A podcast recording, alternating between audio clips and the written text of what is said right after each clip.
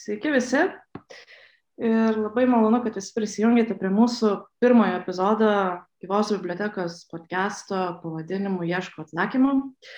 Ir šis pirmas epizodas yra apie organų donorystę. Ir šiame epizode turiu tris nuostabius pašnekovus. Tai Aušra Degutytė, Karolina Dačkutė ir Aisti Žekevičių.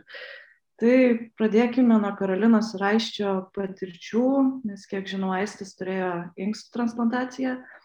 Tai labai įdomu būtų sužinoti, kokios jūsų istorijos, kokios jūsų patirtys su organų donorystė, su organų transplantacija.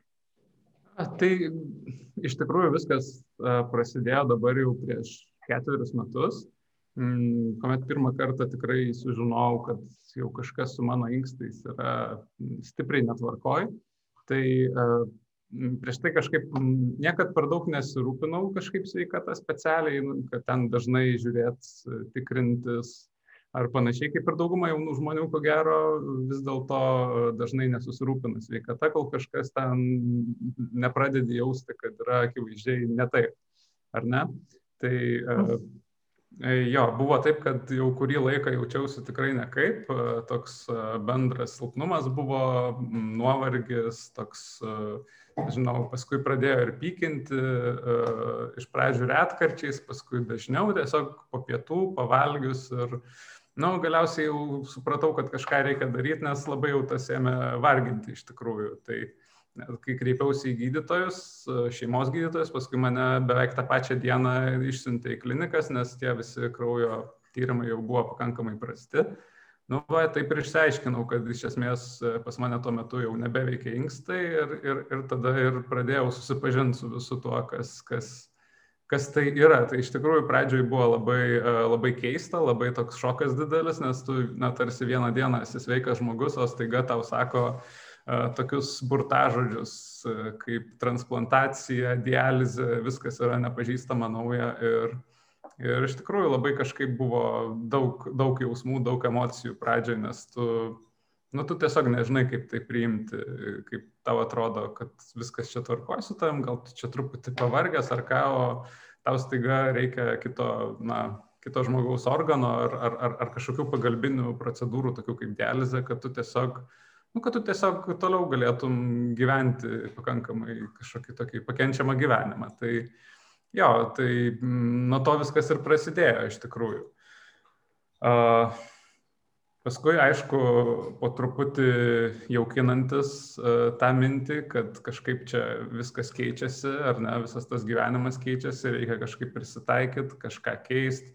Uh, nežinau, nuo ko čia pradėti, nes iš tikrųjų žmonės, kurie darosi dializę, kurie na, valo kraują kažkokiais pagalbiniais būdais, kurie pakeičia tuos neveikiančius inkstus, e, jie turi pakankamai radikaliai keisti savo gyvenseną, tai yra, kad jie turi pakankamai dažnai darytis tas dializės procedūras, ar tai būtų, mano atveju tai buvo peritoninė dializė, aš galėjau namie jas pats darytis, man nereikėjo važiuoti į ligoninę, ten po kelis kartus per savaitę, kaip tą daro hemodializę pasirinkę pacientai. Bet taip pat labai reikėjo ir, na, saliginai prižiūrėti mytybą, tai nevalgyti, kas turi daug kalio, ten bulvės, bananai, špinatai, tropiniai vaisiai, na, pakankamai daug produktų, tai pakankamai iš esmės teko pakoreguoti tą savo mytybą ir pakeisti visiškai. Uh, tai, tai va, o kažkaip, mm, kažkaip paeiliui palengva, jaukinantis tą idėją, tą, tą pasikeitusi kažkokį ritmą gyvenimo. Ir atsirado ta, ta mintis iš tikrųjų kažkaip, na, daugiau šnekėti apie tai, nes supratome, kad tikrai daug kas Na, iš esmės, aš ir pats, reikia pripažinti apie tą transplantacijos idėją, nelabai buvau girdėjęs, ar nelabai buvau, gal buvau girdėjęs, bet nebuvau net susimastęs, galima sakyti, rimčiau, nu, kol tiesiog pats nesusidūriau su tuo. Tai čia turbūt ir buvo toks pirminis impulsas, nežinau, čia iš tikrųjų Karolinos mintis buvo tas visas projektas, bet aš kaip ir buvau tas, tas toks įkvepiantis dalykas, nuo ko visą tai ir prasidėjo, nes turbūt be, be, be manęs tai irgi nebūtų taip viskas pasisukė. Uh, nežinau, ar atsakiau klausimą, nes iš tikrųjų čia taip pakankamai sunku, nenukrypstant į kažkokias šonus, taip viską nusekliai papasakot. Manau, kad tikrai atsakėte. Ir tada, kaip jau užsiminėt, tai jūs esate kartu, labiau Karolina turbūt, kad ir nutiko tai podcast'o ir viso to projektai, kuriai. Tai galbūt daugiau apie tą projektą, iš ko, iš ko jis kila, ar būtent iš jūsų patirties, iš to norėjimo kalbėti daugiau apie šią situaciją. Tai, tai turbūt e, gal aš čia papasakot galiu. E, iš tiesų, kai pasakė, kad aiškiai reikia organo transplantacijos, tai buvo tikrai milžiniškas šokas ir buvo labai sunku tai suvokti, dėl kad gyvenimas pasikeitė labai stipriai. Ir, ir kažkaip tai, tai tikrai paveikia labai psichologiškai ir mane kaip artimą žmogų, nes mes gyvenam kartu, tai tu matai, e, ką turi žmogus, nežinau, procedūras daryti, ko valgyti, ko nevalgyti, kaip jis jaučiasi ir panašiai. Gal, kad prieš tai aš irgi mačiau tos simptomus, bet tie simptomai, mhm, neleis man sumeluoti, ir aušra yra labai bendri kartais.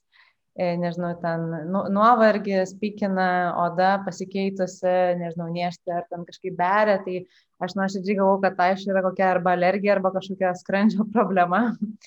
Ir tikrai nebuvau pagalvojęs, kad reikėtų persodinti inkstą. Tai e, kadangi tikrai buvo didelis šokas ir nors aš kaip save gal laikau atvira artimiems draugams, bet net ir tuo metu buvo kažkaip labai sunku kalbėti ir su artimais, e, turim draugą, ir su artimais draugais apie tai ir papasakoti, kas nutiko ir ten būdavo kartais tokių miglotų frazių, kaip čia aišku reikia daryti kažkokias procedūras ir nei vienas net nu, ne, nenori nei kalbėti, nei kokios tos procedūros, nei kas tai yra, nes tau tiesiog pačiam dar yra sunku tai suvokti. Ir kitas dalykas, sužinojom, gal ten buvo kovo mėno, man atrodo, mm, o rūpiučio mėnesį netikau kito artimo žmogaus, kuriam reikėjo kepenų transplantacijos. Tai man per tą visą pusmetį tikrai buvo labai sunku ir visa ta transplantacija ir mm, inkstų nepakankamumas ar kito organo nepakankamumas siejasi labiau iš tiesų su mirtim negu kažkaip tai su gyvenimu ir buvo labai sunku psichologiškai tai apriepti. Ir mm, tuo metu mes dar irgi čia galvojau, spalio mėnesį dalyvavom traukinių stotį ar autobusų stotį, man rodos. Gal buvo traukinių stotį. Autobusų. Autobusų Kaune turbūt mhm. buvo. Ja. Jo, ir, ir dalyvavom e, akcijoje, kurios dabar neatsimenu pavadinimo. Mirštu kaip nori gyventi. Taip. Čia aš atsiprašau papildau. labai labai gerai, užra gali tikrai papildyti. E, ir, Ir prisimenu, mus pakalbino ir Aistis sakė, jau buvo praėję gal pusę metų, Aistis sakė, jam galbūt dar reikės transplantacijos. Tai toks, kur, man atrodo, va šitie tokie, tokios nuotrupos epizodai e, gali parodyti, kaip tikrai buvo tuo metu labai sunku ir, ir kaip, nu, labiausiai tai psichologiškai sunku, nes fiziškai tai ir turbūt pandemija rodo, kad mes galim prisitaikyti, bet psichologiškai tai e, žymiai ilgesnis tas procesas. Ir um, kažkaip praėjo ta visa ir žiema ir po truputį aš pradėjau lankyti pati psichoterapiją ir pradėjau pati suprasti, kad ir artimai gali skaudėti ir kad artimasis serga ir, ir čia buvo labai toks stiprus suvokimas, nes e, tikrai, mm, aišku, tai lėmė dėl tai, kad ir mums patiems buvo sunku kalbėti, bet jeigu kažką pradėdom kalbėti su draugais apie organo donorystę, ar transplantaciją, ar dializės, tai vis tiek dažniausiai būdavo fiziniai simptomai, o čia kaip jaučiasi raistis, o jo labiau aš, tai tikrai nebuvo ta tema, apie kurią turbūt ir aš pati gal tuo metu nebūčiau norėjus kalbėti, bet ir turbūt ir draugams būtų buvę sunku ir labai jautru apie tai kalbėti. Ir mm, jau čia po metų, jau gerų metų, birželio mėnesį, kai vyksta kultūros naktis, e, mes susitikom su Austėja Šeputė, tai visai netikėtai ir pamatėm jos darbus ir jos projektą Planas B. Ir jinai papasakojo kaip artimoji savo istoriją ir jinai yra netekus tėčio, kuris laukia širdies e, transplantacijos. Ir aš pirmą kartą kažkaip pasijaučiau, kad nesu viena, kad kažkas irgi papasakojo tai visiškai paprastai, kaip tiesiog jautėsi um, artimoje toj pozicijoje. Ir man kilo idėja, nes tuo metu visai daug fotografavau, kad galėčiau nufotografuoti artimuosius ir, ir juos ir papasakoti jų istorijas. Ir tapo to idėja, taip kažkaip tai mes tada, man rodos, panašiu metu ir su gyvastim susipažinom, ir su aušra, ir, ir aušra supažino su labai daug irgi e, gyvasties. Mm, narių, e, kurie irgi sutiko papasakoti savo istorijas. Ir taip iš tiesų viskas po truputį, po truputį rutuliojasi, kad kažkurio metu jau supratau, kad jau net nebėra kelio atgal, nes aš jau čia pažadėjau kažką padaryti, tada kažkaip tai bedarant pagalvoju, galbūt galima padaryti gal, nežinau, tinklapį, tada daryti, nu, pradėjom daryti tinklapį, tada pradėjom galvoti, kad gal galėtų tai būti nepasakojama visi pilni interviu, nes mes patys labai daug sužinom per tos, per tos pokalbius tada pradėjom galvoti, kad dar gali būti kažkokie tekstai, tai tada e, startavom su interviu ir su tekstais. Mm, ir po to, po kažkurio laiko, kadangi vis laik sukos idėja, kad galbūt būtų įdomu padaryti podcastus, jau kad pati ir kitose, per kitus projektus ar, ar, ar savo profesinį kelią esu e, buvus, buvęs tas žmogus, kuris e, e, pokalbius veda, tai man buvo visada labai įdomu, tai ir tada sugalvom e, padaryti podcastą. Ir, ir čia, nežinau, kiek mes penkis pokalbius esame rašę ir, ir, ir po to jau supratom, kad turim sustoti bent kuriam laikui. Tai dabar šiaip kaip ir sakėm, kad išeinam oficialiai uh, kūrybinio atostogų, bet patys iki šiol nežinom, kokia čia ta situacija. Ir dar prieš kažkaip šį pokalbį galvau, viena vertus labai keista, eiti kalbėti apie projektą, kurio, e, nu, praktiškai metus nevykdom, bet kartu, nors per metus ir nieko nedarėm, kažkokių papildomų ten jokių dalykų, bet puslapį laikino, skaitė ir klausė podcast ir aš suprantu, kad organų donorystė kažkam yra dabar ir ne visada turbūt bus dabar ta tema ir tie žmonės gali paskaityti, atrasti ir galbūt irgi ne, nu, pasijusti ne vieni šiai temai. Jo, ir čia turbūt buvo pagrindinė priežastis, kodėl vis tik nutarėm na, palikti tą visą puslapį veikiantį, atvirą, prieinamą, nes tikrai, na, tų žmonių vis tiek nuolat yra kažkam diagnozuojamas tas inkstų nepakankamumas, nuolat e, kažkas susiduria su to ir tikrai pradžioje labai labai trūksta informacijos, ypač jeigu tu nu, ne, ne, neturi savo aplinkoje, sakykime, jokių pažįstamų, kurie susidūrė su, su panašiom temom. Tai, tai ko gero šiuo atveju tikrai daugam gali padėti, nes čia tų žmonių tikrai nemažai yra pakalbinta, visi su truputį skirtingom patirtim, kurios ko gero papildo vieną kitą ir labai, labai praplečia tą suvokimą pirminį iš tikrųjų, su kuo tu čia susidūrė ir kaip čia tau, na, kaip čia tau tiesiog mm, susidėlioti viską, kad būtų kiek įmanoma paprasčiau ir lengviau gyventi su, su, su ta lyga. Mm. Tai norėčiau labai aušros paklausti, jūs esate įkūrėja, pirmininkė Lietuvos asociacijos gyvastis. Ir... Ne, ne, tik, tikrai neįkūrėja, gyvastis yra įkurta daugiau negu prieš 27 mm. metus. Aš esu šiuo metu kaip vadovė, prezidentė. Mm, prezidentė. Ir ką ši asociacija daro, ką jūs veikiate? Organizacija vienyje žmonės, kurie laukia vienokio ar kitokio organo persodimo operacijos, taip pat kaip ir Aisis minėjo, su inkstais daugiausiai yra žmonių, taip pat laukiantis yra ir širdies, ir plaučių, ir kasos, ir kepenų, taip pat vienijam ir žmonės jau, kurie gyvena su persodintais organais. Ir, ir tas, ta mūsų veikla organizacijos tarsi daroma dviem kryptim. Viena yra pacientam, tai ir psichologinė parama ir teisinis atstovavimas, o, o kita dalis yra kaip skirta visuomenė, tai yra visuomenės švietimas donorystės tema. E, nes mes, kaip sakom, kuo daugiau žmonių žinos apie organų donorystę, kuo daugiau pagalvos, pakalbės apie tai, tuo daugiau gyvybių bus ir išgelbėta. Nes ta informacija, jinai bet kokiu atveju, jeigu kartais atrodo, kad kažkas kažkur serga, toli, tarsi ne mano ratas, manęs tai neliečia. Bet kada susirga kažkas iš artimesnės aplinkos, ar bendradarbio, ar, ar kolegų, ar draugų, arba dar blogiau, kada susirga šeimos narys, bet kokiu atveju mums tada ta organų donorystė, ta transplantacija atrodo kažkas tai naujo, baisaus ir labai suprantamas, va ir Karolinos pasakoti išgyvenimai, kada suserga artimas žmogus, atrodo žemės lysta iš pakojų ir pačiam sergančiajam, bet lygiai taip pat blogai jaučiasi ir išgyvena artimasis, kuris yra sveikas, bet jis jaučiasi blogai dėl to, kad nori padėti savo sergančiam brangiam žmogui, bet tiesiog nežino kaip, nes niekas mūsų apie tai nemokina, kaip padėti, kaip kalbėti, net ir kada būna netekties momentas, mes tiesiog nemokam, nežinom nei ką pasakyti, nei kaip pasakyti tam artimam žmogui, tiesiog mūsų to niekas nemokina. Tai vad kaip organizacija mes ir stengiamės padėti ir pačiam pacientui, ir jo artimajam pirmiausiai suteikiant tos informacijos. Jis tada priima situaciją tokia, kokia yra ir bando prie jos prisitaikyti ir gyventi, nu, va dabar toks etapas, dabar pasikeitė mytyba, taip mytyba įtakoja patys sergantį, pasikeičia mytyba ir šeimos nariams, natūraliai toks gaunasi. Tada gyvenimo būdas irgi keičiasi, reikia vaistų, reikia procedūros kada jau žmogus priima po truputį, tai neįvyksta per vieną dieną, tikrai ne.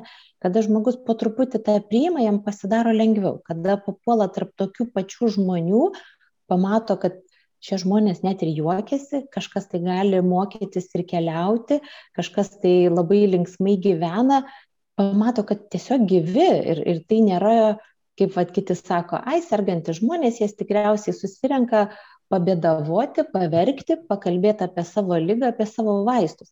Kada aš pati pirmą kartą gyvasties bendruomenę įsijungiau, važiavau į konferenciją, aš pati esu sveika ir aš tada savo draugam ir artimiesiam pasakau, sakau, jūs neįsivaizduojat, kokie čia susirinko žmonės. Jie tiek gyvi, jie tiek sveiki savo vidum, tokiu pozityvu ir optimizmu visi užsikrėtę, kad sakau, jeigu nebūčiau žinojus, į kokią aplinką patekau, tikrai nebūčiau patikėjusi. Žmonės nekalba vien apie vaistus, vien apie lygą ir apie bėdas. Jie moka, kaip aš sakau, gražiai pasidalinti vaistais. Kas ką pamiršo, jie pasidalina draugiškai, jie turi savo frazės, e, kada yra vaistų gerimo laikas. Jeigu sveik, tarp sveikų žmonių, kada atsiduria sergantysis, jis turi išgerti vaistus, jis turi susileisti vaistus vienus ar kitus, jeigu dar kažkokias darytis procedūras, tai jis tarsi yra kažkoks kitoks, tarsi brokuotas nestandartas, ne? Bet kada žmogus patenka tarp tokių pačių, jis blogai nesijaučia. Jis jaučiasi daug geriau, tarsi savas tarp savų. Tai vad organizacija būtent tai ir duoda, tą tokį bendruomeniškumą ir kad tu jautiesi savas tarp savų. Aš dar gal papildyčiau aušrą dėl, pavyzdžiui, mytybos, tai um, tikrai keičiasi ir tikrai labai keista, net ir mūsų artimiems buvo ta mytyba, nu, sakykime, negali bananų, riešutų, ten špinatų, nu, praktiškai viską, kas yra labai sveika, tai kaip tik juokdavomės, kad gali visas pizzas valgyti. bet, bet ir, ir prisimenu, mums rašydavo žmonės, kad o kažkur kažkas nu, kalba apie tai, kad ne, negali valgyti ant bananų ar kitų produktų, nes prisimenu, vienas vyras rašė, gal buvo virš 30 metų ir dirba kažkoje tarptautinėje įmonėje ir niekas jo kolegos nesupranta, kodėl, kuo čia tas bananas nusikalta. Bet yra ir kita medalio pusė iš tiesų, kad kai įvyksta transplantacija ir kai vaisis po transplantacijos gali beveik viską valgyti išskyrus greifruktus, Tai, tai aš prisimenu, kai jis valgė, įdėjusi tą bananą į avižų košę, tai aš nesupratau, ką jis daro. Ir man prireikė labai ilgo laiko, kol, kol nejaučiau to streso, kad jis valgo tą maistą, kurio anksčiau nebuvo galima valgyti. ir lygiai tas pats, aišku, man pačiam buvo, kai mm, iš karto po transplantacijos jau gydytojai mm, sakė, kad jau staiga vat, tau galima viską valgyti. Ir yra tokia baime, tokia instinktyvi, kai tu jau per tos kelius metus įpratęs visiškai kitaip valgyti Aš niekada nepamiršiu, kai aš guliau Kauno klinikose po tos operacijos dar, ten gal savaitę po ir, ir, ir e, tą dieną pietum buvo kugelis, na, bulvę aš paprastai jau irgi taip atsargiai labai valgydavau ir man dar ten trūko kalio taip, kad man dar lašino, žodžiu, kalį į veną. Tai, žodžiu, kalis į veną lašą, valgai kugelį ir kažkoks atrodo visiškai neįtikėtinas dalykas. Tai iš tikrųjų, bet kita vertus, aišku, gal, uh, mes irgi čia toks į šalį gal nuo, nuo pagrindinės pokalbio temos, bet kalbėjom apie tai, kad uh, kita vertus dabar va šitoje pandemijos situacijoje gal netgi truputį lengviau yra suprasti tą nepastovumą, tą besikeičiančią situaciją, nes iš tikrųjų yra tai buvę, kad kelis kartus viskas keitėsi iš esmės. Tai kažkaip gal kažkuria prasme kai kurios dalykus psichologiškai lengviau šiek tiek priimti, negu kitiems žmonėms, kuriems visiškai tai yra nauja. Mm. Aišku. Tai visuomenės požiūris kaip ir gana aiškus, kad tiesiog trūksta tos edukacijos, trūksta tokio viešinimo daugiau informacijos. Ar teko sulaukti kažkokių pastabų ar komentarų iš aplinkinių, kad taip ypač aiškiai, nes ypač su daugeliu temų dažnai būna, kad Lietuvoje tiesiog kažkokius komentarus numeta, kažką tokio pastebi, ar kaip visuomenė žiūri. Aš dabar atsimenu, kai man kažkada sakė ir ganėtinai nu, kaip pasakyti, gal pažįstami, nu, tokie nėra gal labai labai artimi žmonės, bet, bet netokie ir tolimi sakė, tai, tai matyti jau ir nesulauks. tai, tai kažkaip, nu, tokių komentarų nebuvo labai daug, bet, negat, bet vis tiek jų yra buvę. Ir, ir man, aš vis laik galvodavau, nu, sakykime, prie manęs tu nebūdavo aišku, bet galvodavau, kaip, kaip, kaip, kaip apsiverčia liežuvis, tai sakyti, net ir man artimui, kur aš gyvenu su to žmogum, tai kaip čia dabar E, mes čia būdų sėdėm ir laukiam pabaigos. nu, kažkaip tai į tų komentarų, bent, nu, aš tai tiesiog tiek daug nebuvau sulaukus, bet, e, bet jie dažniausiai tokie būna kažkaip arba, kad um, žmonės kažkaip įsitikinę, kad čia jau viskas prarasta, bet gal čia koks bendras požiūris į visą gyvenimą, nežinau.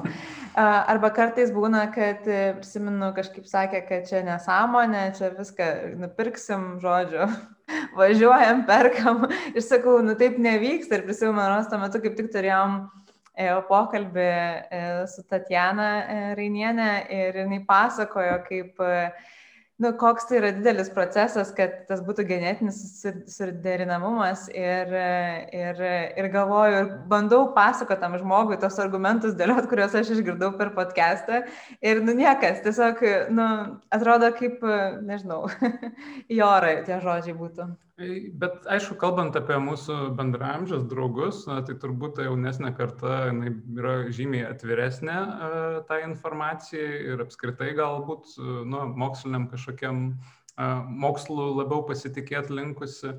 Ir tikrai iš, iš, iš draugų, iš artimųjų ar net ir šiaip pažįstamų tikrai esam sulaukę daug palaikymo, kad maždaug šaunu, kad čia kalbame ir, ir, ir tikrai tą palaikymą jautėme. Aš nežinau, gal dar auša galėtų kažką papildyti šio klausimu. Vis tiek e, tenka daugiau kur kas turbūt bendrauti su, su, su visuomenė ir, ir, ir apskritai mm, donorystės klausimais.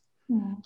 Taip, visuomenės tų komentarų tikrai tenka įvairių išgirsti, bet galim tikrai pasidžiaugti palyginus taip, kaip kalbėdavo anksčiau, tas anksčiau, tai prieš 10 ar 15 metų, ir taip, kaip kalba dabar, tai nėra ką lyginti. Anksčiau aš atsimenu, kada gyvastis organizuodavom viešas akcijas, donorystės akcijas, tiesiog kalbėdavom gatvėje, dalindavom lankstinukus ir tiesiog klausdavom žmonių nuomonės, ką jūs galvojate apie organų donorystę, esat kažką tai girdėję.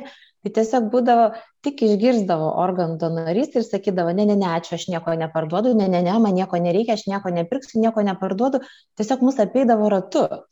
O keičiantis jau po kokio dešimtmečio, kada jau pradėjo apie donorystę kalbėti ir, ir Valinskas, ir, ir Marijonas Mikutavičius, kada tele, televizijos įtaka labai daro tą tokį didelį svorį duoda ir, ir jeigu viešai apie donorystę pasakys Valinskas arba Marijonas arba dar kažkoks kitas žymus žmogus, tai tada tarsi visuomenė labiau priima tą informaciją ir labiau patikė tuom, kas yra sakoma.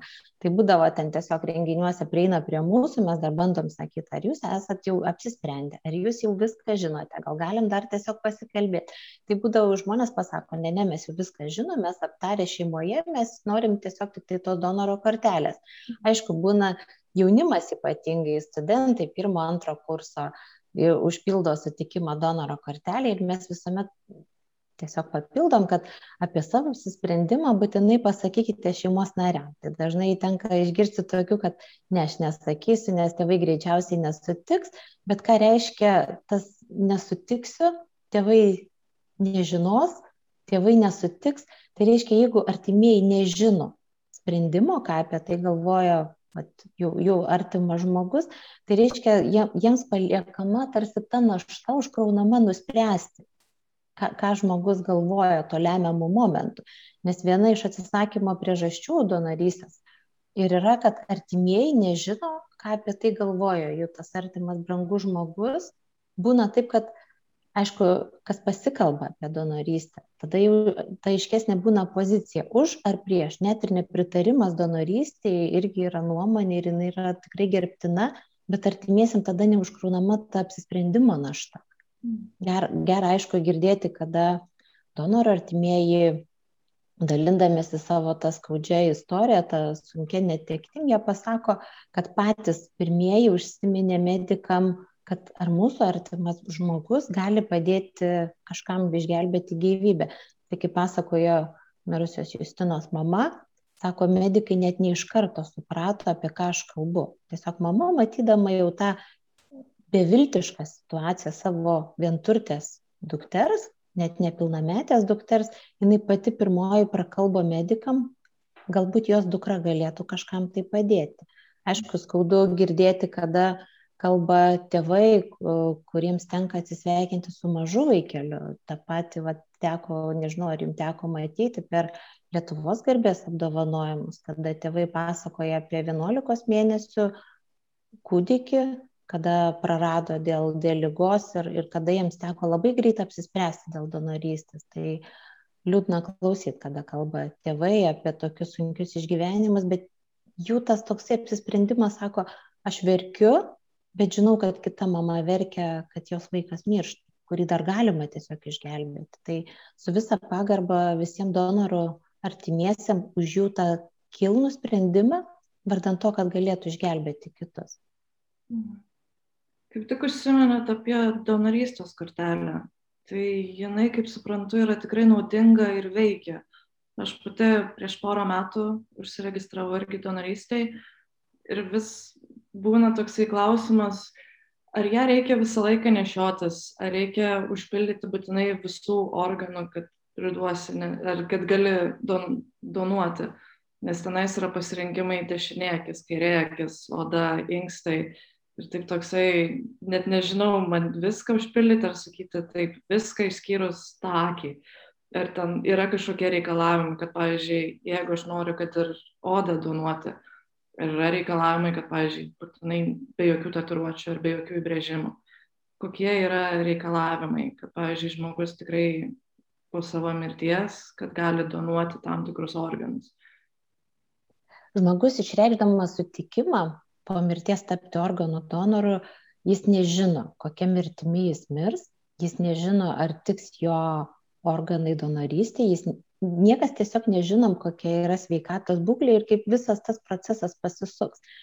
Tai vienas iš tų mitų yra, kad jeigu aš turiu donoro kortelę, manęs niekas negydys, tai čia jokiais būdais ne.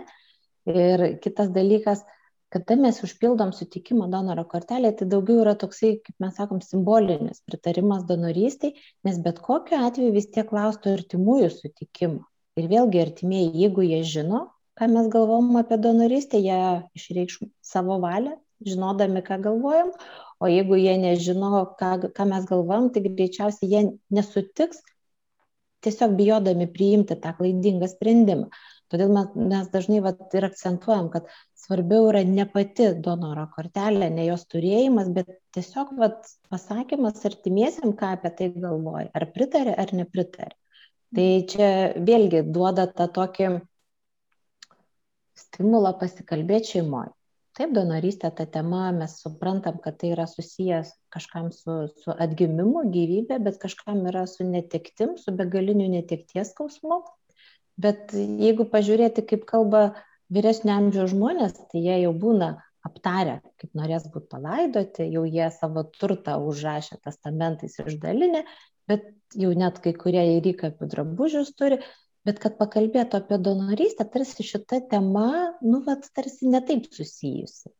Bet vis tiek mes kalbam apie mirtį, bet tarsi donorystė nėra ta tokia patogi tema. Todėl mes sakom, kad yra puikus laikas, kada išgirstama kažkokia laida, perskaitomas straipsnis, to labiau, kad dabar, vat, kaip nacionalinis transplantacijos biuras, ypatingai viešina tas gražias istorijas ir ne tik tai tas gražias istorijas apie kiekvieną donorą, multiorganinį donorą, kada yra šeima priima sprendimą paukoti organus donorystiai, juos tiesiog aprašo viešai Jeigu, aišku, šeima tą sutinka padaryti, nors tas sprendimas tikrai būna sunkus, tada ir kiti paskaitę nesijaučia, kad vat, jie vienui vieni priima tokį sunkų sprendimą. Nes tos informacijos jos kuo daugiau vis tiek vienaip ar kitaip mus paliečia. Jeigu ne širdį, tai mūsų protus. Mm. Tada vėlgi turbūt ta pačia tema, kaip žinoti, ar kur yra tokia informacija, kokia yra na, reikalingiausia dabar organų donorystė, ar kokių yra daugiausia atliekamų transplantacijų, ypač Lietuvoje. Ar tokia informacija yra kažkur pateikiama viešai? Yra, yra ta informacija pateikiama nacionalinio transplantacijos e, centro puslapyje, o, o tie skaičiai tai jie tokie nu, nuolat yra kintantis, bet maždaug E, jeigu taip apeliuot skaičiais, labai pasakysiu paprastai. Šiuo metu dializuojamų žmonių, kuriems neveikia inkstai, yra maždaug pusantro tūkstančio. Mhm. Maždaug apie šimtas iš jų yra tik tai laukiančiųjų sąraše. Tai reiškia, iš tų šimto kažkam pasiseks, jeigu atsiras jiems tinkamas donoras ir jiems bus persodintas inkstas. E, tuomet e, per metus atsiranda maždaug 3-400 žmonių, kuriems prireikia vienokio ar kitokio organų persodimo operacijų. O donorų per metus atsiranda apie 50. Todėl, kaip aš sakau, labai lengva tada pasverti šios skaičius. Jeigu per metus atsiranda tik apie 50 organų donorų, o naujais sergančiųjų apie 350. Tai kaip mes sakom, tie skaičiai tokie didesnė tikimybė yra atsidurti laukiančiųjų organo transplantacijos sąraše, negu patapti organų donoru. Tai čia su šiais skaičiais, kaip aš sakau, mes paneigėm vieną iš mitų, kad gali negydyti ar kažkas tokio panašaus, o daugiausiai transplantacijų atliekama inkstų, kadangi inkstai yra porinis organas, tai šių transplantacijų yra atliekama daugiausiai. Mhm. Tada aisti, kiek jūs laukite laiko inksto Kiek tai truko? Mano atveju tas laukimas nuo to laiko, kai aš jau susitvarkiau, reiškia tos visus dokumentus, kad, kad jau patekti į, į, į tą sąrašą žmonių, kurie laukia, tai truko apie metus laiko. Nepilni metai buvo, man regis.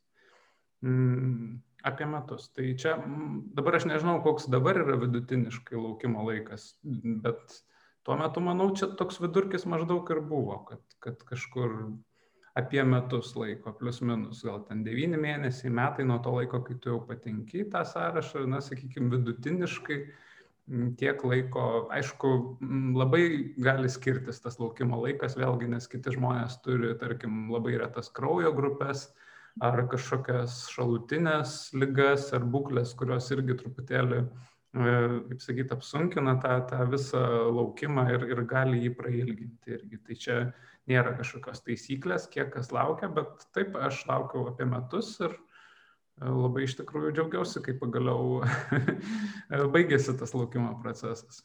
Bet iš tiesų kažkaip labai jau norisi pabrėžti, kad e, svarbu yra ir įstoti tą laukiančių eilę, nes mums šio klausimu labai padėjo gyvastis, kad mus edukavo, nors atrodo mes jau buvom gal metus e, toj situacijai, ar ten jau virš metų, man rodos, bet, e, bet aš prisimenu, kad ten kažkaip, kai mes buvom gyvasties gal stovykloje, ten suvokiam apie tai, kad, e, kad kažkaip tai aisis dar nėra toj laukiančiųjų eilėje, jau virš metų praėjo, nes kažkaip, nežinau, gal čia irgi toks ar vienetinis atvejis, ne, sunku pasakyti, bet tikrai gydytojai kažkaip nesiskubino įtraukti tą eilę ir, ir kažkaip judint mūsų ar, ar artimųjų, sakykime, kad mes kažkaip taip kalbėtume su Aišė apie tai ar pačią Aišę Ir, ir tikrai tas procesas, nu, sumuojate, tikrai yra daugiau negu metai, nes kol tu patenki tą eilę, tai irgi labai ilgai užtrunka, nes tos visus tyrimus pasidaryti.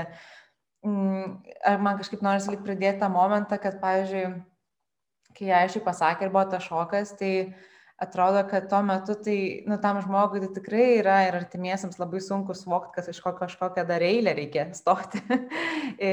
Turbūt kažkaip labai norėtųsi, kad tas procesas būtų greitesnis ir kad, kad kai žmogus atsibus ir, ir suvoks, kas čia įvyko, kad e, jis jau būtų to eilėje ir kad tas laikas nusitrumpėtų, kai reikia laukti. Mm. Tai čia, e, jo, čia, čia toks diskusinis klausimas, aišku, viena vertus aš suprantu ir gydytojus galbūt, kurie tarsi truputį atsargiai, na, kai tam žmogui viskas nauja, gal jie nenori jo ir per daug spausti ir kad jis truputį susigyventų su tuo, bet kita vertus, na, tikrai galbūt ir aš nežinau, kaip dabar tikiuosi, kad ta situacija kažkiek pasikeitus, bet tarkim rajonuose ten ypač kas atlieka hemodializės procedūras, tai tikr, na, tikrai ne visos įstaigos labai jau ten noriai tos žmonės informuoja, kad va, įsirašykite tą eilę, nes vis dėlto, na, tai irgi yra šioks toks verslas. Tos procedūros yra tikrai puikiai apmokamos ir, ir, ir, ir čia irgi yra kitas niuansas. Tai, Tai nežinau, turbūt reikėtų tokio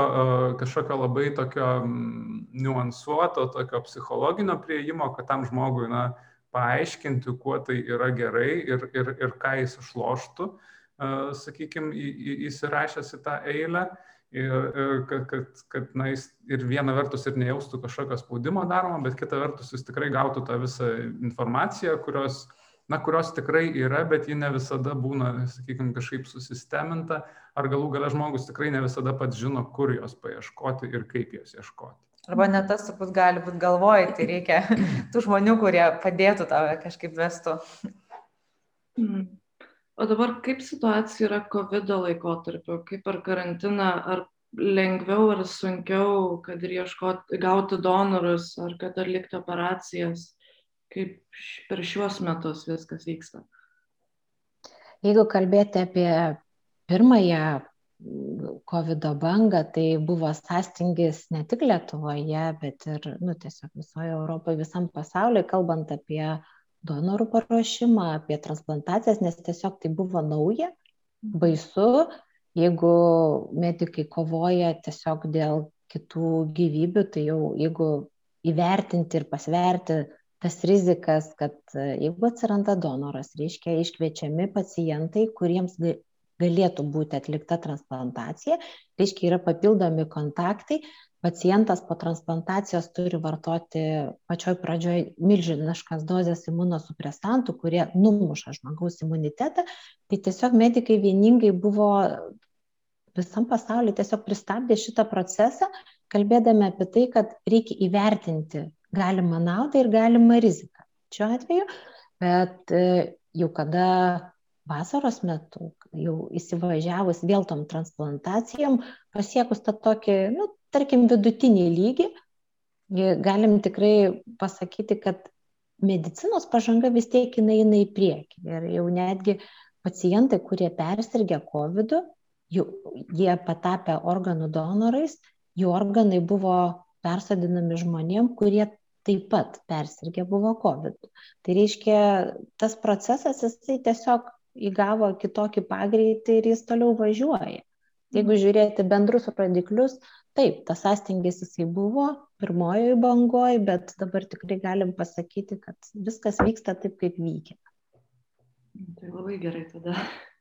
Um, taip pat dar vienas klausimas, kuris mane labai domina, kaip su, uh, su visų pakilimu kraujo donorystės, nes paskutiniais metais labai atsirado daugiau reklamų kraujo donorystės ir labai visi atvirai uh, kalba, visi labai aktyviai daro projektus, eina duoti kraują. Ar šiek tiek palengvino diskusiją apie organų donorystę, ar, ar kažkaip nėra tokio kovojimo tarp tų donorysčių reklamos kažkokios? Kadangi iš esmės labai skiriasi kraujo donorystė ir organų donorystė, mes kraują galim donuoti per metus iki keturių kartų, Ir yra prilyginama tarsi, va, jeigu aš dovanoju kraują, tai kažkoks nu, heroizmas. Ir, ir tai yra madinga, tai yra kieta, tai yra lengva kalbėti. Todėl šita tema yra labiau tokia yra skaluojama, ne, reklamuojama, va, visi tą labiau girdi. Organų donorų galima tapti tik vieną kartą gyvenime. Esi... nu taip, e, kada esi gyvas ir, ir gali padovanoti savo inkstą arba dalį kepenų savo artimam žmogui susijusiam giminystės ryšiais, arba kitas atvejs po mirties, kada yra nustatomas smegenų mirtis. Todėl vat, šių dalykų palyginti kraujo ir organų donorysės tarsi negalim. Nors ir vieni, ir kiti don, donuojama, dovanojama ir abiejais atvejais yra išgelbėjamas gyvybės. Bet e, taip, tokios reklamos nėra ir kada mes organizuojam tiesiog irgi socialinės reklamas, dabar ir transplantacijos biuras labai įsitraukia į socialinių reklamų tą tokį kūrimą viešinimą, tai mes tikim, kad tie siužetai, tos gražios istorijos, jos vis tiek paskatins apie organų donorystę, nebijot kalbėti pirmiausiai, o kitas dalykas pagalvoti apie tai. aš, žinau, kai Aisis pirmą kartą galėjo ligonį, kai tik pasakė, tai kiek ten tau, du, du tos, e, nežinau, kas, kas ten tie maišelius suleido. Jo. Tai aš ten vienintelė buvau pakraupus ir pabalus, nes ten reikėjo kažkaip keisti kateterį, žodžiu, man tai buvo baisu ir kraupu. Bet tikrai žmogus atrodo akise atsigavo ir tai tikrai, ta kraujo donorystė tikrai labai svarbi ir gelbė gyvybės. Bet ir jo, man, sutikčiau su aušra, man atrodo, kad čia, nu, jos nėra konkurentės, nu, tiesiog yra ir kraujo donorystė, ir organų donorystė. Tik tais, kad apie kraujo donorystę yra žymiai lengviau kalbėti, tai yra ir greitesnė mm, procedūra ir, ir, ir tu gali va, kelis kartus per metus tai daryti, o tu tarp organų donorystė, ne, nu, kelis kartus turbūt negali būti per kažkurį laikotarpį to donoru, tik tais vieną kartą. Bet, bet kažkaip atrodo, kad apie organų donorystę tai mm, nu, tikrai labai nepatogu ir nesmagu ir sunku kalbėti, jeigu kalbama ne apie, pavyzdžiui, žmogų, kuris gavo organą. Sakykime, tos istorijos, kaip aišku, kad jis jau gavo inkstą, kad jis gali gyventi, jos yra labai gražios, jos įkvepia ir kažkaip, nežinau, man rodos, padeda patikėto donorystės stebuklų žmonės, kurie net nežino apie tai.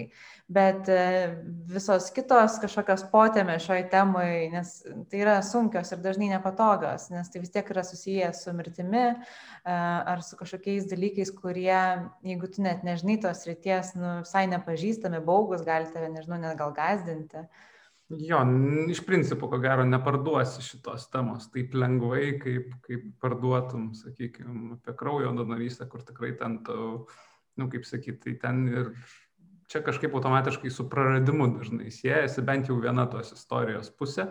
Jeigu, aišku, kalbame ne apie gyvąją donorystę, kai, kai gyvas žmogus e, dovanoja savo inkstą ar ten uh, kepenų dalelytę kitam žmogui, tai, tai ko gero tai sunku yra dažnai atsijėti šitos du pasakojimus, ar ne, kad tai yra dvi to, to paties medalio pusės ir tai yra labai susiję. Bet aišku, aš manau, kad vis tiek, bet kuriuo atveju, jeigu jau žmonės, na vis tik bent jau su artimaisiais pakalba apie tai, tai jau yra didelis žingsnis, bet kuriuo atveju, nes, nes tai padeda suprasti, na, kad, kad na, kaip aš sakau, aš tai sakau taip paprastai, kad man atrodo, kad na, kas, kirminams iš tų organų, ne, jeigu jie dar kažką gali išgelbėti. O ten e, nesvarbu, kokią tu religiją tiki, tai ten, na, jeigu ten tu į tą dangų keliausi, tai tu ir be to inksto, manau, sėkmingai nukeliausi.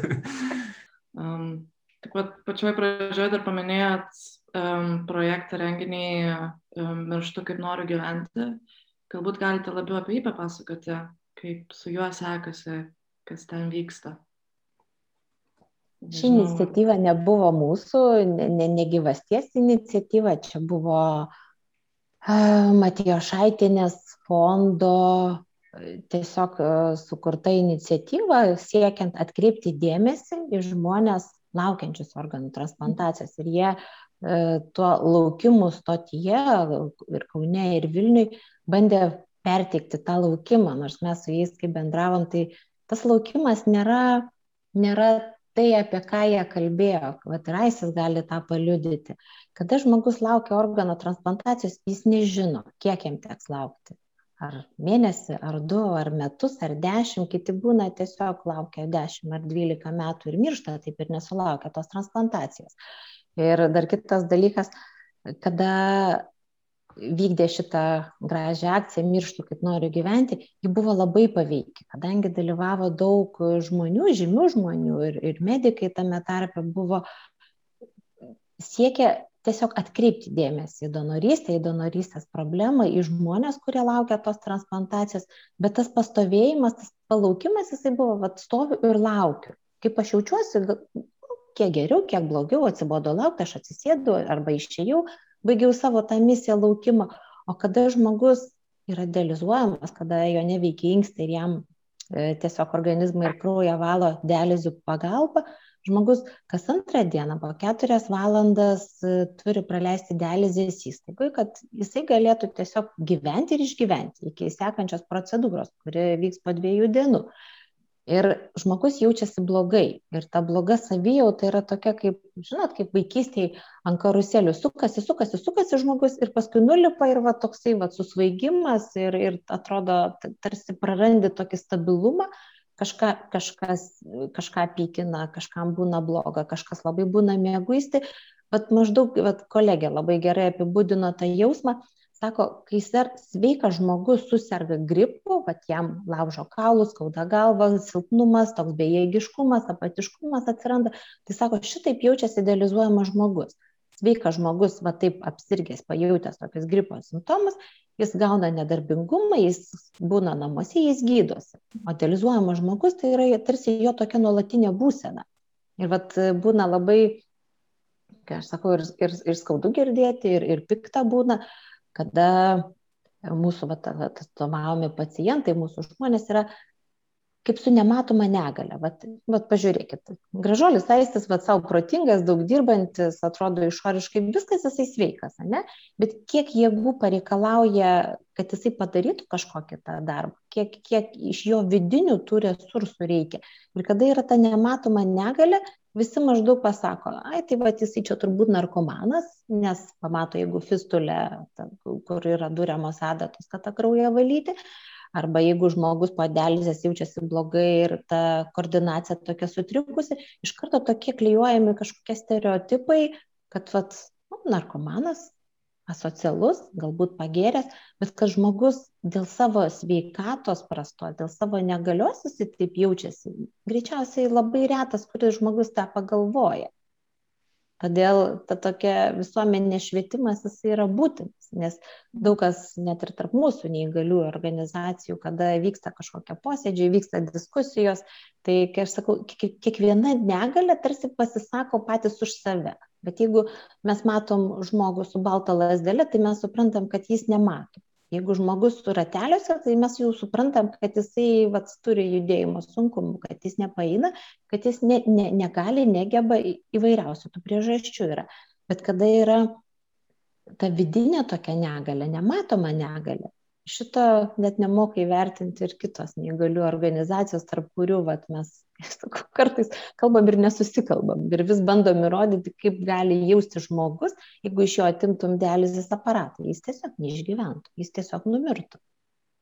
Ir šitas labai svarbus dalykas, kad e, net ir artimieji nebūtinai jie gali suprasti, kad tam mhm. žmogui yra blogai, nes, nu, tai nemato. Arba, pavyzdžiui, Aisis darydavosi jau tas procedūros, po to įgūsdavo visur ten traukiniuose pasidaryti ir panašiai ir galvodavo, kad, nu, nu čia kažkaip, nu, tai mes gyvenam, čia pasidarė tas procedūras, nežinau, kažkaip gal, gal ir nieko, gal ir visai nesmagu, nežinau, bet, bet nu, tai netrodo taip rimta, būtent, nors tai yra labai rimta ir jeigu nedarys tos procedūros, tos dializės, tai čia laiko klausimas yra turbūt kiek. Nu, sunku iš tikrųjų turbūt suvokti tai žmonėm, aš pats tai man tai gal padėjo, kad šiaip aš toks žmogus, gal iš prigimties aš nelabai įimu į galvą, kas ką galvoja, tai man gal šito atžvilgiu buvo kiek lengviau, bet, nu, iš tikrųjų, kai tau reikia dializės, tai aš tai sakydavau, kad dažnai jaučiuosi kaip po kokio rimto vakarėlio, nors irgi praktiškai, nu, tu negeri alkoholio, nes tu ir taip dažnai jautiesi toks, nu, toks, toks lyg pagiringas, būtum, nepaisant to, kad tu visiškai gali blaiviai gyventi, būtent dėl to, kad kad tavo inkstai neveikia ir tie toksinai nepasišalina iš tavo kūno. Tai jo, manau, irgi čia viena iš priežasčių, kodėl verta apie tai išnekėti, nes, nes daug kas tiesiog to nežino. Na, kita vertus, kaip žinosi, jeigu nesi susidūręs nei per pažįstamus, nei per artimuosius, nei kažkaip kitaip. Aš manau, kad edukacija jinai vyksta ir kartais e, nors ir lietai, atrodo, norėtųsi, kad tas visas procesas vyktų žymiai greičiau ir nereikėtų, kad užtruktų tai dešimtmečius e, ar penkmečius, e, kad kažkaip pasikeistų tą visuomenės nuomonę. Bet, e, bet net jeigu ir lietai jinai vis tiek vyksta ir, sakykime, net ir mūsų projektas, jeigu nekalbėtume apie žmonės, mes, kurių mes, sakykime, nepažįstam ir kurios palėtė šis projektas, bet, sakykime, tik apie savo draugus, tai nu, tas ratas tai išsiplėtė, reiškia, mūsų artimieji sužinojo, sužinojo draugai, sužinojo draugų draugai. Čia kažkada pasakojo draugė, kad sužinojo, kad, nežinau, ten ar draugo draugas, ar, ar nu, žodžiu, kažkam irgi reikia organo transplantacijos ir visai nesnei sužinojo. Tai tada pakalbėjo apie ir nutiko. Tai, nu, ta prasme, kad tai vis tiek net vat, mes du tą informaciją išsiplėtė iki nu, didesnio rato žmonių, tada kiti žmonės irgi kažką kažkam papasakoja. Tai tiesiog nors ir lietai, bet ta edukacija tikrai vyksta.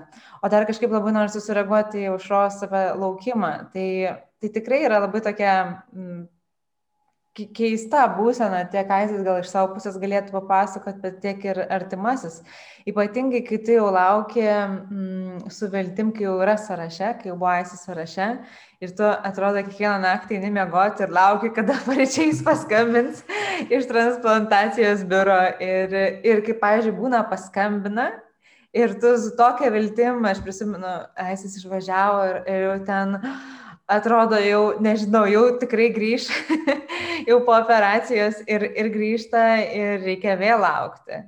Tai ir, ir, ir pirmiausia, tai aišku, prisimenu, kad buvo apskritai bendrai kažkokia, nežinau, ir euforija, ir kažkoksai tai keistas, didelis jausmas, kad jį iškvietė ir džiaugsmas, ir kartu ir baimė, ir kartu, nežinau, toks labai daug stiprių tokių emocijų.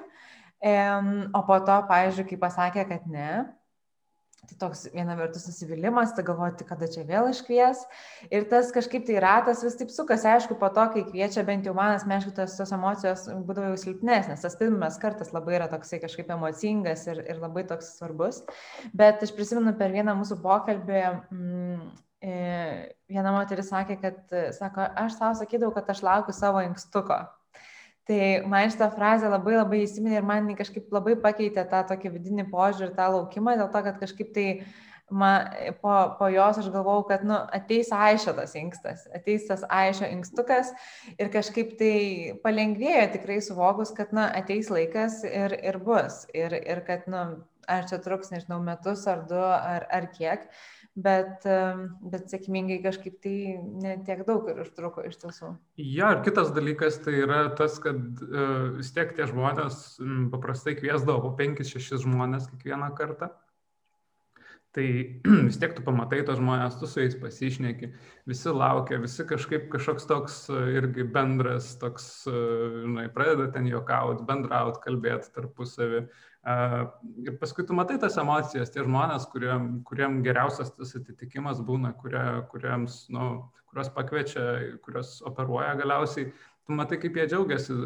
Iš tikrųjų, gal ir keista, tai matyt iš šono, ypač kitiems žmonėms, kurie nėra su to susidūrę, kuriem, na, operacijos dažnai kažkaip atrodo, na, labai sudėtinga, labai kažkas tokio, ką reikia pasverti ir panašiai, bet visi tie žmonės, kai juos iškviečia, jie, jie, jie, jie labai džiaugiasi, jie būna labai laimingi. Tikrai nežinau, ar yra laimingesnių žmonių, kurie važiuoja į operacinę, nes jie tiesiog yra, iš, na, jie, jie ilgai laukia pakankamai ir, ir, ir tas džiaugsmas visą laiką tikrai toks nesuvaidintas būna. Ir, ir, ir net ir jeigu tau, na, sakykime, nepasiseka šiuo atveju, tu žinai, kad dviem žmonėm vis dėlto pasisekė, dviem žmonėm bus persodintas inkstas ir tai jau savaime yra didžiulė pergalė ir kažkaip, nu, tu, aišku, būna, norėtum galbūt tu ten būt, bet supranti, kad jiem tai geriau tinka, tai ko gero čia ir, na, bendras gėris kažkoks yra iš to, ar ne, tai jeigu tie žmonės ilgiau tiesiog e, gyvens su tais organais, tai čia visi iš to išloš, ko gero. Tai Tiek turbūt, nežinau. Aš dar pagalvoju, gal į plastinės operacijas, kai važiuoja, gal dar labai irgi, irgi džiaugiasi. Aš kažkaip galvoju, kad kada žmogus važiuoja galimai tai organo transplantacijai, aš va, tiesiog dar noriu šiek tiek nu, patikslinti, tokį aiškumą įvesti, kada atsiranda inkstų donoras, tai reiškia atsiranda du inkstai ir šiem dviem inkstam iškviečia šeši žmonės, kuriem labiausiai tinka pagal jų imunologinį atitikimą. Tada daro maždaug 12 valandų trunkančius tyrimus ir iš tų šešių išrenka tik tai du žmonės, kuriem bus persadinami tie du donorų inkstai. Tai reiškia, kai tik keturi važiuoja namo, tai kai tenka išgirsti tiesiog žmonių papasakojimus, kaip jie jaučiasi, tai psichologiškai tai yra be galo sunku, nes kiekvienas važiuoja tarsi su ta viltim, su tuo laukimu, bet visi žino, kad bus atrinkti tik tai du žmonės, kurie, kuriem bus atlikta ta transplantacija. Kiti keturi važiuoja namo. Ir mes dažnai vat, tiesiog palyginam, tas iškvietimas galimai transplantacijai, tai nėra tai, kad tu, tu tiesiog įstoji į savo įsvajotą svajonių mokyklą, ar tu gauni savo svajonių darbą, tai yra tiesiog, nežinau, likimo dovana, gyvenimo dovana, tai yra galimybė gyventi ir išgyventi, grįžti visai kitokį gyvenimą. Ir tikrai, kada pamatai žmogų, kaip jisai jaučiasi prieš transplantaciją ir praėjus mėnesio ir dviem po transplantacijos, tai daug kas labai mėgsta palyginti, sako, man dabar išsiskleidė gyvenimui sparnai žmogus gali valgyti, ką nori, vat kaip ir Aisi sako, valgai bananą ir nesupranti, kas vyksta. Žmogus gali gerti, kiek nori, nes žmonės, kuri, kuriem atliekama hemodializė, jiem per parą yra rekomenduojama išgerti iki dviejų podelių skyščių vandens. Tai įsivaizduokit, ką tai reiškia. Nuolatinis troškulys, nu, nuolatinis toks silpnumas, nuolatinė kontrolė dėl maisto, dėl gyvenimo savo režimo, dėl gyvenimo būdo, nuolatiniai vaistų vartojimai tu tiesiog gyveni nuo procedūros iki procedūros. O kada jau po transplantacijos tiesiog atsiranda begalė laiko, daug laiko atsiranda iš kažkur tai, nes jau nebereikia darytis procedūrų, nereikia važiuoti į hemodializės įstaigą, tu galėjai tvarkyti savo gyvenimą taip, kaip nori džiaugtis kiekvieną dieną. Ir aišku, būna tokių labai gražių pasisakymų tarp mūsų žmonių, va ir Rimvidas, kuris 15 metų gyvena su persodinta širdim, Sako, jeigu aš gavau širdį kažkieno tai dėka, tai aš dabar už ją turiu atidirbti. Tas atidirbimas jis toks ne tai, kad tiesiog eiti darbą, bet tiesiog kalbėti apie tą donorystę, nes tas donorystės viešinimas, tų gražių istorijų pasakojimas, tai būtent ir duoda tą tokį gerą rezultatą, kad žmonės pamato viso to prasme ir tada kitaip atrodo įvyksta ir tas sutikimas dėl donorystės ir tas dovanojimas pats.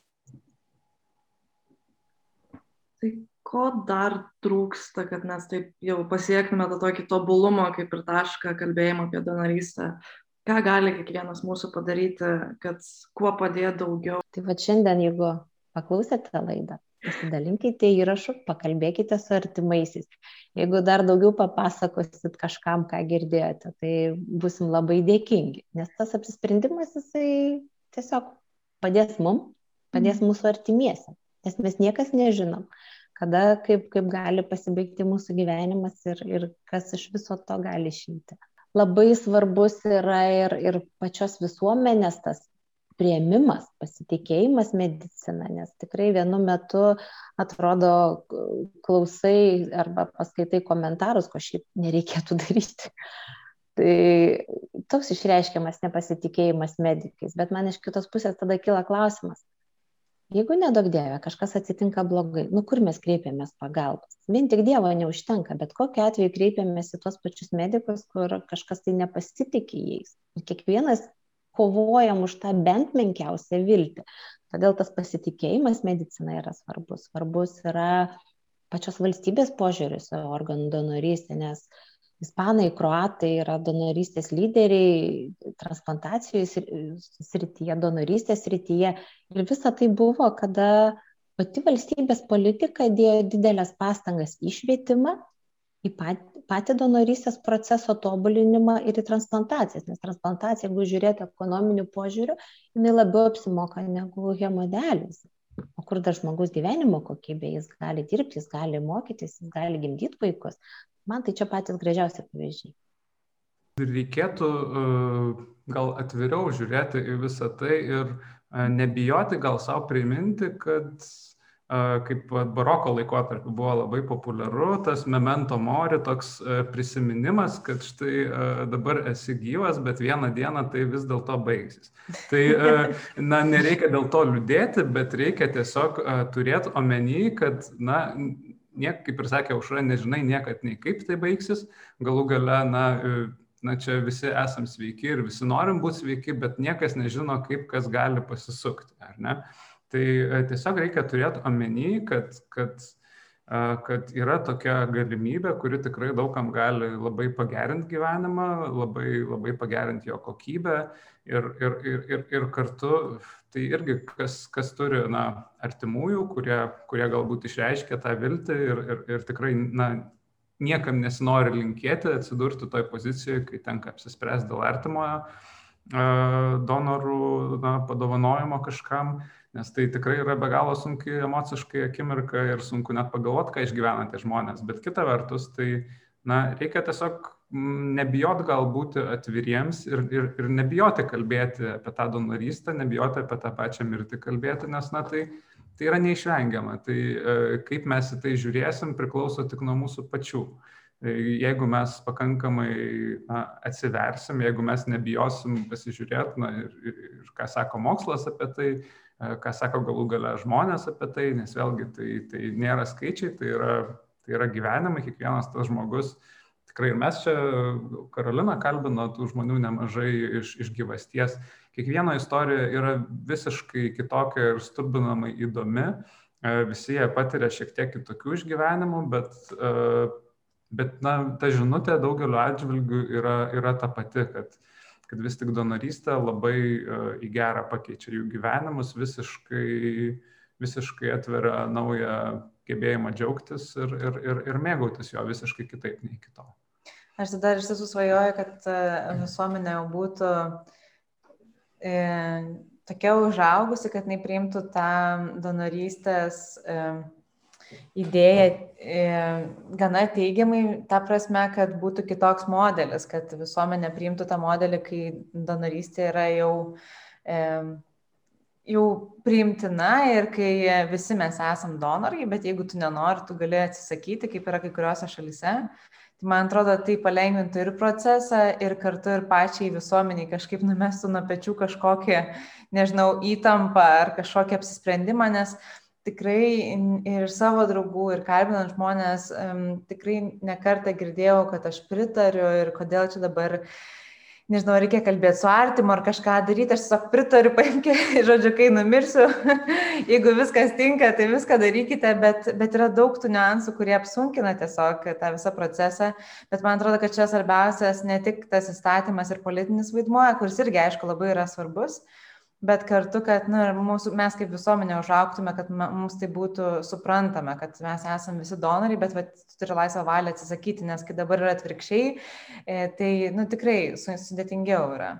Realiai tai tą e, sutikimą donoro kartelį gauti galima labai paprastai užpildyti per elektroninius valdžios vartus, prisijungus ten porą minučių reikalas. Mhm. Bet svarbiausia yra pagalvoti, apsispręst ir pasakyti artimiesi. Mhm. Ir būtinai kalbėti. Aš va dar dalykas. kažkaip vat, man surezonavo Karolinos ir aiščia mintis. Šiaip ispanai, jie organų donorystė, jie tiesiog patį faktą artimieji priima kaip garbė ir jeigu atsitikus jau tai nelaimiai, nustačius smegenų mirti artimajam, reanimatologai kalba su, su artimaisiais apie donorystę, apie dovanojimą galimybę ir jie priima kaip įžeidimą, jeigu apie tai medikai jiems neužsimena. Tai vad, jeigu tikrai visuomenė mūsų tiek paauktų, kad priimtų tą organų donorystę kaip garbę, kaip galimybę tiesiog padėti, išgelbėti, ir tas toksai didvyriškumas, heroizmas, nežinau čia kaip pavadinti, būtų tiesiog labiau išaukštinamas, bet dažnai būna taip, kad donoro artimiesiam, kada jie priima tą sprendimą, vienetai tik tai, kurie gali po to palaikyti ryšį ir, ir kalbėti, nu, vat, viešai. Tikrai nėra daug tokių. Kiti tarsi būna ir laukia kažkokio to įvertinimo, kažkokios padėkos, kažkokio to atgalinio ryšio, bet tik tai tiek, kad Lietuvoje yra konfidencialu, kam kieno organai buvo persodinami. Ir, ir mes tiesiog kaip Lietuvos asociacija gyvastis kiekvienais metais organizuojam žvakučių uždėgymo, tiesiog tokią kaip iniciatyvą kiekvienam donorui pagerbti. Kiekvienam tam donorui, kurių mes nepažįstam, artimiesiam išreikšti tą tokį viešą dėkingumą, kurių taip pat nepažįstam artimųjų bet tiesiog ta, ta didžiulė uh, vieša tokia iniciatyva duoda ir tą tokį žinomumą ir labai jau, jautrus man tie tokie pavyzdžiai, kada prie mūsų spalio mėnesį tų daug, daug žvakelių uždegamų Vilniui, pavyzdžiui, pernai buvo uždegta beveik 2000 žvakelių. Ateina donoro artimieji nešini savom žvakeliam ir jie tarsi e, mūsų minioje dairosi, jų akis laksto, tarsi bando atrasti savo artimų žmogaus, bet kažkokį tai ryšį tarp tų žmonių, kurie gyvena su persodintais organais. Tai būna taip, kad su jais kalbant man pačiai, nu, ir, ir, ir, ir liūdna, ir, ir graudu, ir, ir vat, yra, kiek man tekdavo pakalbėti su donoru artimaisiais, tai kai sakau, verkia jie, verkiu ir aš. Ir, ir atrodo, ir kartu verkiam, ir, ir negaliu kartais nei žodžio pasakyti, nes atrodo, jiems tiek sunku, tiek sunku, o man tik pakalbėti reikia, bet, nu, vad, negaliu, pastringa ir čia, ir čia, ir, nu, tiesiog sunku, nes esu žmogus, esu moteris, turiu širdį ir, ir mes visi jautrus. Ir va čia vėlgi, kai sakau, niekas nemoko mūsų mm, gedėti, niekas nemoko mūsų, kaip kalbėti su artimaisiais, kurie netekė savo artimų žmonių. Kol mes patys to nepatiriam, sunku pasakyti, ką jie jaučia, ką jie išgyvena. Lygiai taip pat ir, kai aš sakau, nežinau, kaip aš sureaguočiau tuo, tuo tokiu lemiamu sunkiausiu momentu, nežinau, ir kaip sureaguotų mano mama, kaip mano artimieji. Nu, tiesiog atrodo, e, vat dabar mąstanti, aš kalbu vienaip, o, o tuo momentu aš nežinau, kaip pasisuks. Mm. Sakau, už tai tas pokalbis labai yra svarbus tada, kai esam tam tokiam, nu kaip pasakyti, blaiviam protė, ne? kada, kada nėra to netekties skausmo, kada nėra tų tokių stiprių emocinių išgyvenimų. Todėl va, tas pravartu labai pakalbėti, kad tiesiog paskui būtų lengviau. Mhm. O mirtis taip, jinai neišvengiamai, tiesiog jinai yra. Aš gal dar pridėsiu vieną dalyką. Iš tikrųjų, tas švietimas ko gero turėtų būti esminis dalykas, mm, nes viena vertus, kaip aušra minėjo, kad taip, jeigu vaikus nuo mažumės na, pratintume kalbėti apie tai, tai būtų paprasčiau. Ir kita vertus, kuo daugiau to viešo kalbėjimo, tuo mažiau galbūt tai atrodys irgi kaip kažkoks tabų ar kažkoks toks nejaukus dalykas, tuo mažiau bus tos nejaukos kalbant apie tai ir, ir tos baimės, kad čia kažką gal įskaudinsi, ar kaip čia tėvai pažiūrės. Vis tiek reikia pripažinti, yra to jausmo kažkokio, kalbant ypač, ypač jeigu, na nežinau, ypač vis tiek, kadangi daug maž gali numanyti dažnu atveju reakcijas tų žmonių. O švietimas jis, jis ir, ir, ir kalbėjimas apie tai, kuo daugiau to kalbėjimo bus, tuo, to bus paprasčiau turbūt susikalbėti vieniems su kitais, to bus paprasčiau suprasti ir tos empatijos kažkokios pajaus, na, įsijausti į tų žmonių patirtis, ar ne, kaip, kaip gyvena tie, kurie laukia eilėje to, to, tam, tam sąraše to organo donoro, kaip gyvena tie, kurie na, jau yra su persodintais organais ir, ir, ir ką patiria galų gale tie, kurie na, tą skaudžią akimirką turi priimti tą lemiamą sprendimą dėl savo artimųjų. Tai tik, tikrai padėtų tiek, tiek šią temą donorystės geriau suprasti, tiek galbūt ir šiaip tokio susikalbėjimo bendro visuomeniai daugiau nešti. Mhm. Aš tik dar gal pridėčiau prie Aišė Raušos, kad e, mes visi esam nususiję, nors ir atrodo, kad mes čia, e, nežinau, skirtingos giminės, ten skirtingos šeimos, miestai, amžius ar, ar kažkokie kiti dalykai, vis iš tiesų tikrai esam visi susiję ir visą tai, ką patiria uh, žmonės, kurie laukia transplantacijos ar po transplantacijos ar jų artimieji, tai yra labai bendražmogiška ir turbūt tam tikrą prasme panašias emocijas ar išgyvenimus patiria ir, ir žmonės, kurie serga kitomis lygomis ar turi kažkokią kitą negalę ar, ar kažkokius kitokius patiria sunkumus. Ir man atrodo, kad kalbėdami apie donorystę mes saudame ir empatiją vienas kitam ir galime tikrai suprasti, Ir kartais nebūtina būti tose rogėse, kad, kad galėtum pajausti, ką kitas žmogus išgyveno. Ir manau, kad ta, ta empatija ir yra svarbiausias dalykas šioje temoje, nes jinai labai daug lemia, lemia tavo apsisprendimą, ar tu būsi donoru, ar, ar, ar tu sutiksi net kartais kai kuriems, prisimenu iš istorijų, kad e, buvo sunku priimti tą idėją, kad reikia transplantacijos ir kad reikia kažkieno kito žmogaus organą priimti save. Tai, tai dalindamėsi mes tik tais kažkaip tai dalinamės empatiją, tais dalykais, kurie svarbus ir galim priimti tos kitus sprendimus, aukti. Mhm. Labai dėkoju už paskutinius taip žodžius. Labai teigiamai užbaigiam, kad va, taip su empatija, su bendravimu, kad iš tikrųjų reikia kalbėtis vienam su kitais kad net nesvarbu kokia tema tai būtų, ar tai būtų organų donorystė, ar tai būtų kitos jautras, um, sunkios temos, bet kuo daugiau šnekėsim, kuo daugiau bendrausim, o nenuslėpsim viską, kaip ir bus geriau visiems. Tai labai dėkui Jums už pokalbį, labai buvo įdomu, nes prieš tai nežinau tiek daug apie organų donorystę, dabar daug geriau žinau apie visą situaciją ir labai tikiuosi, kad mūsų klausytojai irgi kaip ir dabar bėgs pas savo visus tėvus, pas savo bendramžius, būtent kalbėti apie šitą temą ir tiesiog daugiau skleisti žinias. Tai dėkui Aušra, Karolina Aistė. Ačiū labai. Ačiū Jums. ir tada klausytojams iki kitų kartų, kad tikėsimės daugiau temų taip padengti, kurios sunkės Lietuvoje klausytis. Ir labai dėkoju dar kartą.